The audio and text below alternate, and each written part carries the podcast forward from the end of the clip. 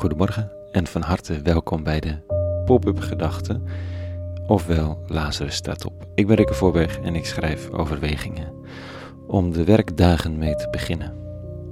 Vandaag met een titel van een halfjaartje geleden, Zo gemakkelijk verjaag je de verkopers niet. Pop-up Gedachten, vrijdag 28 mei 2021. Dit schreef ik. Het is een beroemd verhaal van de rabbi van Nazareth, dat hij het allerheiligste, meest indrukwekkende gebouw van de hoofdstad Jeruzalem binnenloopt en daar eigenhandig orde op zaken stelt door verkopers, geldwisselaars, veeverkopers met hun vee weg te jagen. Het moet een chaotisch tafereel zijn geweest. Misschien ken je de scène uit Jesus Christ Superstar.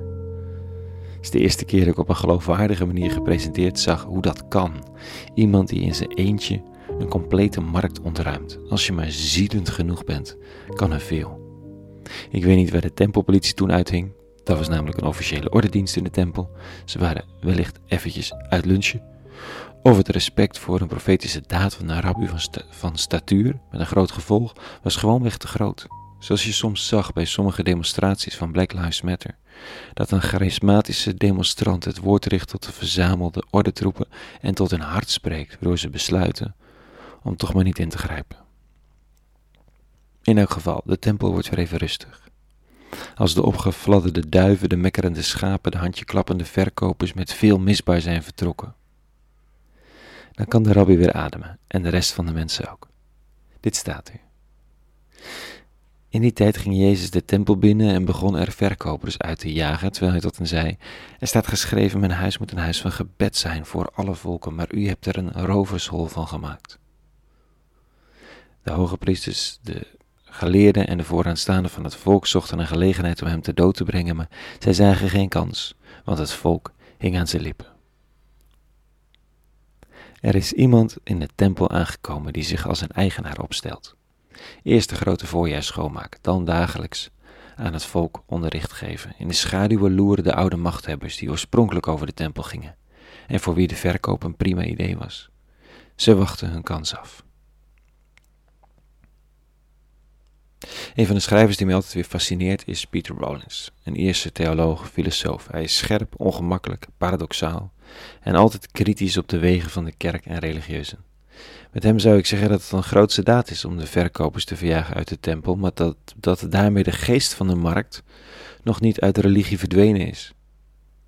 Rollins is hyperkritisch op elke religie, die zegt dat als je dit of dat, als je te kerken gaat, een onderdeel uitmaakt van de viering, als je gelooft en meedoet, dat het dan allemaal goed komt. Hij is hyperkritisch op kerken die God in de aanbieding hebben, initiatieven die meedoen op de religieuze markt. Volgens hem is de markt, religieus of niet, altijd haaks op de richting die christelijke spiritualiteit biedt. Hij vraagt zich af of de aanbieding van God en hemel, die door kerken gebeurt, op voorwaarden of verborgen voorwaarden dat je dit of dat of zus of zo, of dat wezenlijk verschilt van de grote billboards waarop een hemels wordt geschetst als je deze auto, die tv of dat merk scheerapparaat koopt. Natuurlijk is het anders, maar is het conceptueel anders? Of concurreert de kerk gewoon op de markt?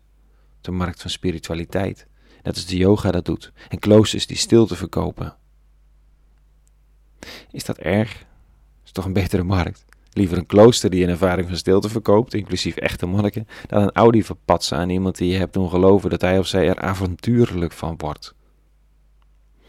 Misschien. Het is geen plek van kopen en verkopen, maar een plek van gebed, zegt Jezus van Nazareth. Hij zet ze tegenover elkaar.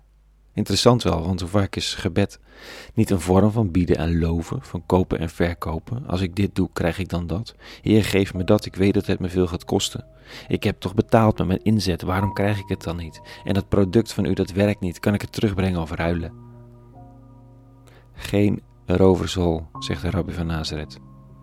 Maar het is makkelijker om de verkopers uit de tempel te jagen in je eentje. Woedend, een complete markt ontruimen Onmogelijk, maar mogelijk. Het is makkelijker dan de verkopers uit je geest te verjagen en uit de geest van spiritualiteit. Daar ligt nog werk te doen. Tot zover vandaag. Een ontspannen vrijdag gewenst, een goed weekend en vrede en alle goeds.